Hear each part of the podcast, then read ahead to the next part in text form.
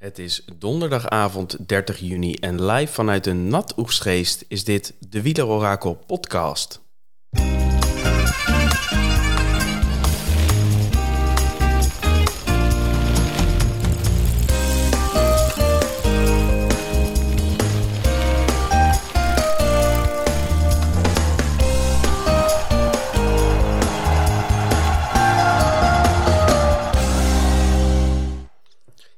Letterlijk aan de vooravond van de Tour de France 2022. Want het is donderdag en vrijdag 1 juli start de Tour de France. Thomas? Ja, nog eh, een paar uurtjes. De laatste uurtjes om je, om je team te maken. Om de laatste tourkoorts uh, nog echt helemaal tot de max te krijgen. Ja, en morgen om, uh, starten ze wat later. Hè? Om vier uur start, vier uur gaan we start de ja. tijdrit. maar wel op vrijdag, dat is vrij bijzonder. En het is ook best bijzonder dat we nou ja, dat we eigenlijk dagelijks live gaan. Zeker. Dagelijks een kwartiertje.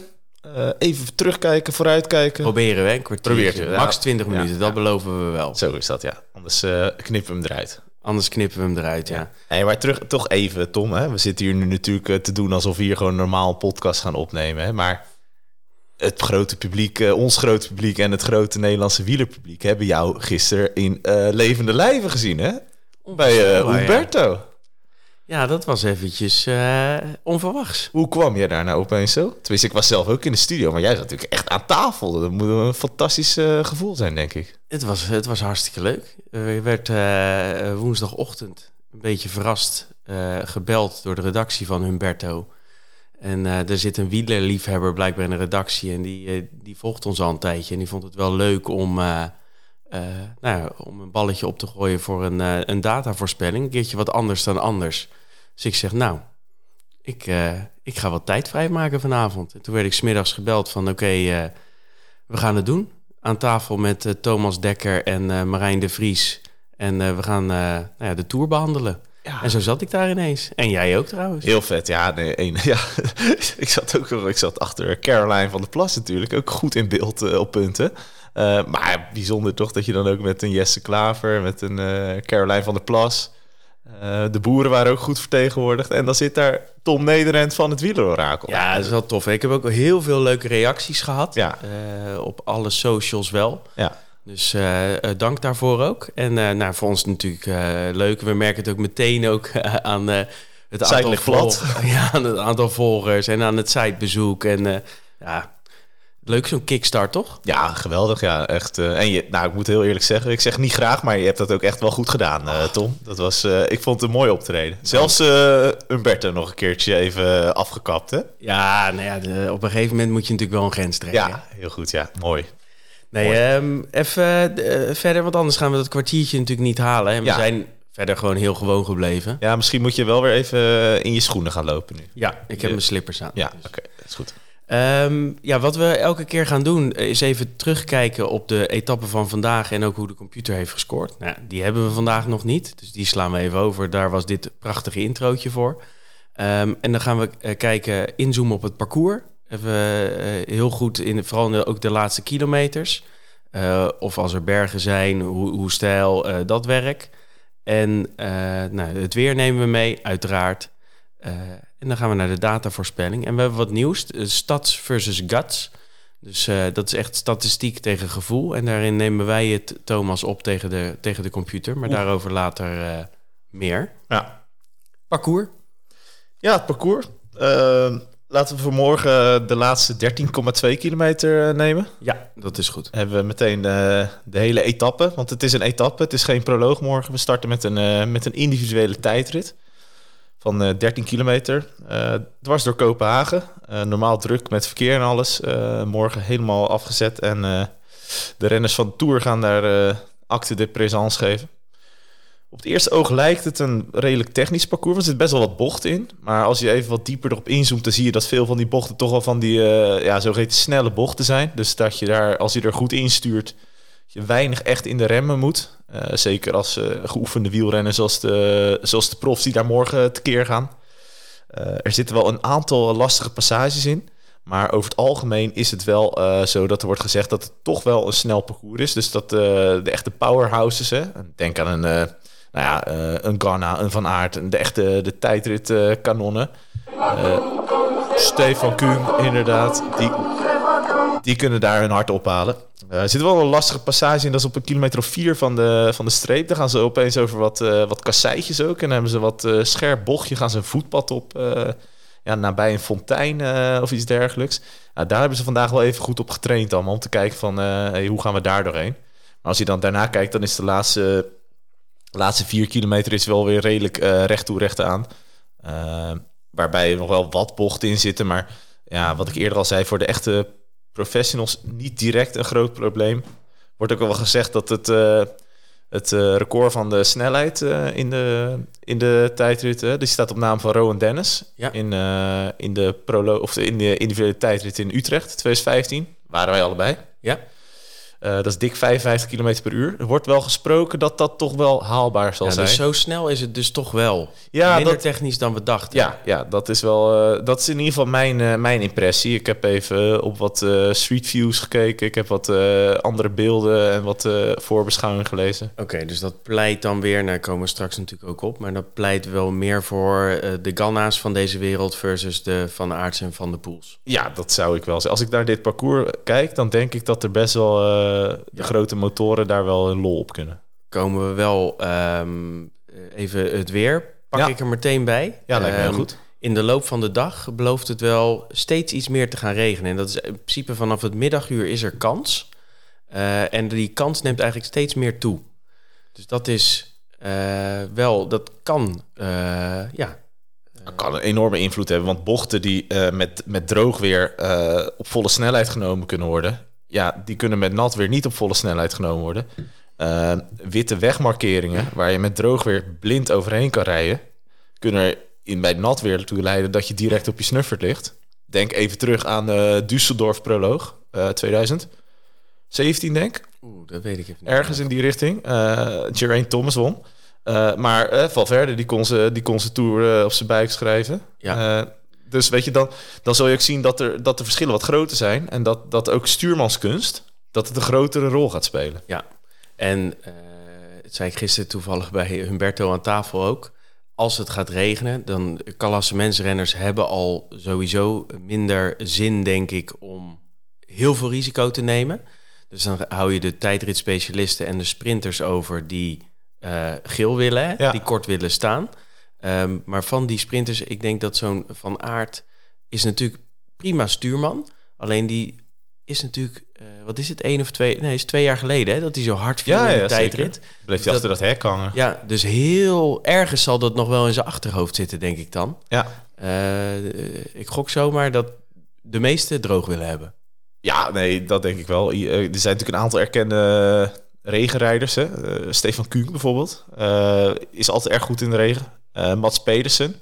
Denk even aan de, het WK dat hij won. Ja, Eh, staat Matje? Eh, van de pool, ja. Nou ja, dat WK was hij niet zo goed eh, uiteindelijk. Maar had hij net, misschien net wat te weinig gegeten. Maar heeft er nooit heel veel problemen mee, volgens mij. Nee. Eh, dus, en is ook wel een lefgozer natuurlijk. Weet u iets van Ganna en regen? Zo zou ik niet zo op het eerste oog eh, kunnen bedenken. Als ik terugdenk aan die... al Als die... zijn haar maar niet in de war gaan, denk ik. Nee, maar goed, eh, hij heeft een helm op, hè. Ah, dat moet zeker. Ja. Ja. Ja. Nee, ehm, interessant. Eh, starttijden zijn dan ook interessant. Want als het in de loop van de dag eh, steeds meer kans is op regen... dan zou je denken, vroeg starten is beter. Ja, zeker. En dat eh, zie je ook heel goed terug, want vanmiddag zijn de starttijden bekend ge- gemaakt. En als je, zie, als je daarnaar kijkt, dan zie je gewoon dat iedereen, eigenlijk alle toppers, dat die eigenlijk ervoor gekozen hebben om vroeg van start te gaan. Ja, noem ze eens. Ja, ik begin eh, toch met eh, onze Bouke, eh, kerstvers Nederlands kampioen tijdrijden. Die, die gaat als eerste van zijn ploeg van start om 4 over 4.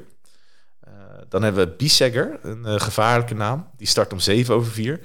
En je ziet eigenlijk dat, eh, ik noem ze even op, Van der Poel, Mas, Martinez, Roglic, Pedersen, Quintana, Kung, Vlaasov, O'Connor, Thomas, Vingegaard. Die starten eigenlijk allemaal eh, binnen 40 minuten. Dus echt voor kwart voor vijf. Ja. En dan krijg je om, eh, om twee over vijf. Dat is, dat is de pechvogel van de dag. Dat is eh Aurélien Parepintre. Ja. Dat, die, die start dus om twee over vijf. En die kijkt dus achter zich als hij in dat hockey staat. En dan ziet hij dan de, de drie die daarna van start gaan. Filippo Ganna om drie over vijf. Wout van Aert om vier over vijf. En Tadej Pogacar om vijf over vijf. Zo, dus die Dus- wordt even drie keer ingehaald. Nou, die, die, die, die, nou, Ganna haalt hem 100% in, denk ik. Eh, van Aert niet, het is natuurlijk kort, hè. Maar het is wel grappig om te zien dat Parapentre, die, als die achter zich kijkt, nou, die, eh, die kan zijn borst nat maken. en als je ziet aan het eind van het schema, daar zitten dus niet zoveel echte toppers. Eh ja, Froome, die gaat pas om kwart over zes van start. Lutsenko, die in, in Kazachstan hebben ze het ook niet echt doorgekregen, denk Nee, ik. Dus die die, gaat gewoon lekker om tien over half zeven van start.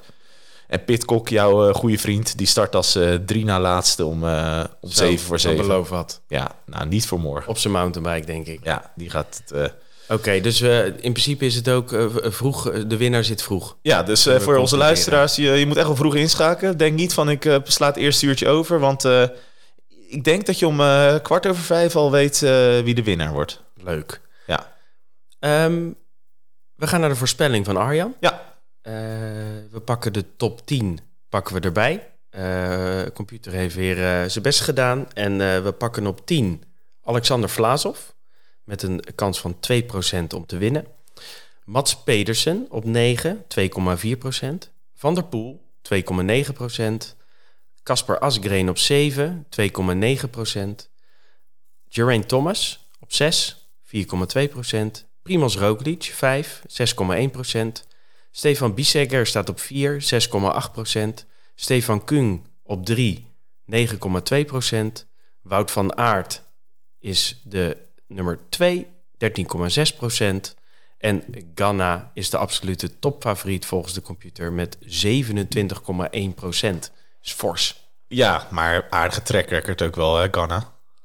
Ja, dat is ook zo. Even voor eh, ook, ook nog wel interessant vind ik. eh, we kunnen een paar eh, behandelen. We zitten al eh, lekker met de tijd. Maar eh eh, Pogacar staat op 11. Oh ja. ja, ik wilde wel vragen waar die gebleven was. Eh, een Mikkel Bjerg staat op 13. Eh, ook UAE en een Deen, goede tijdrijder, kan interessant zijn.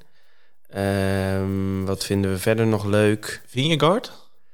Eh Vingegaard staat op 26. Oh, Ik denk dat hij nog niet heel veel vlakke, relatief korte tijdritten heeft dat zou het zijn, ja, dat zou het zijn.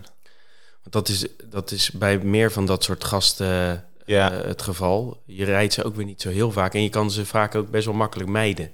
Ja, dat Zo is Van de Poel bijvoorbeeld. Die heeft in principe pas twee echte tijdritten gereden om de knikkers. Vorig jaar in het geel en dit jaar in het roze. Ja, ja, en natuurlijk die laatste tijd in de Giro werd hij vierde of zo, denk ik. Ja, dat is waar. Maar ja, dat is wel een heel ander deelnemersveld, deze Giro was hoor. Dus dat is, ja, ik wil niet eh, onze alle Van de Poel eh, fanclub eh, enorme bash of zo. Maar hij moet het natuurlijk wel even nu ook laten zien. want dit deelnemersveld, als ik kijk naar de tijdritkanonnen, is echt wel bizar sterk.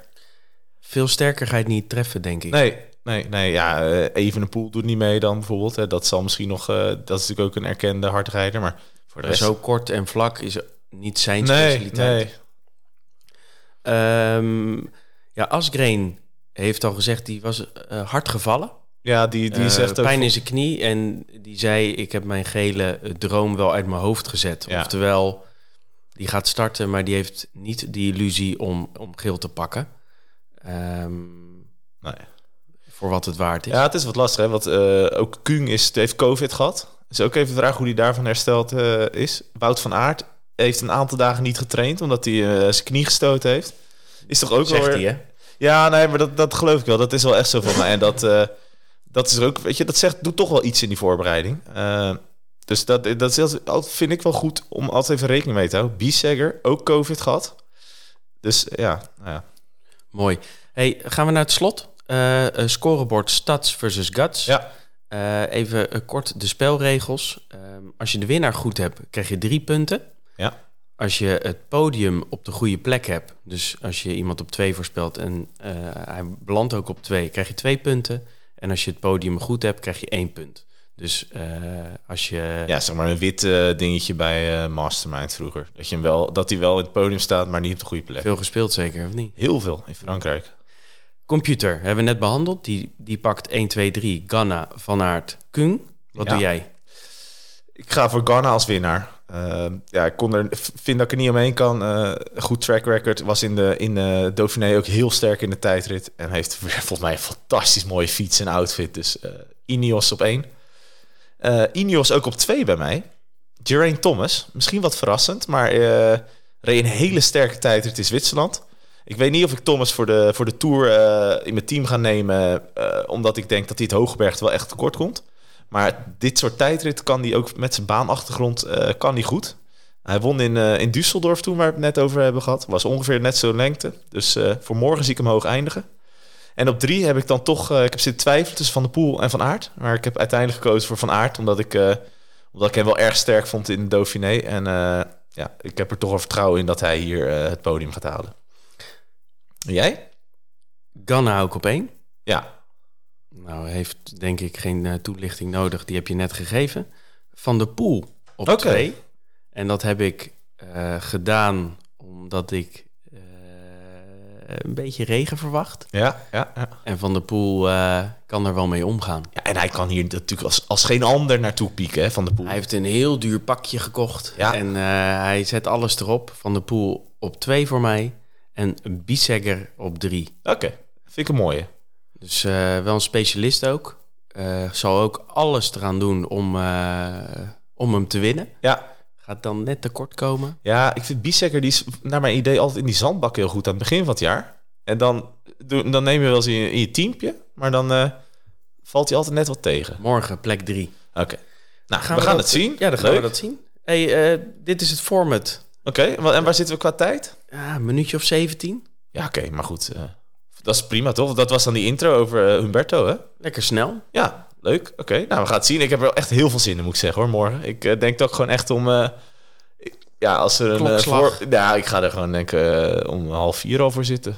Ja, ik ben echt... Je voelt 2, gewoon... Eurosport 2, half vier, dacht ik. Oké. Okay. En dan NOS en um, Sportza om, om vijf of tien voor vier of okay. iets dergelijks. Nou, hartstikke goed. Maakt allemaal niet zo heel veel uit. gewoon genieten. De morgenochtend nog even de laatste stress om het uh, Scorito-poeltje. Ja, Ganna trouwens, heb je hem mee? Ik heb hem nu mee, ja wel. Koen? Ook.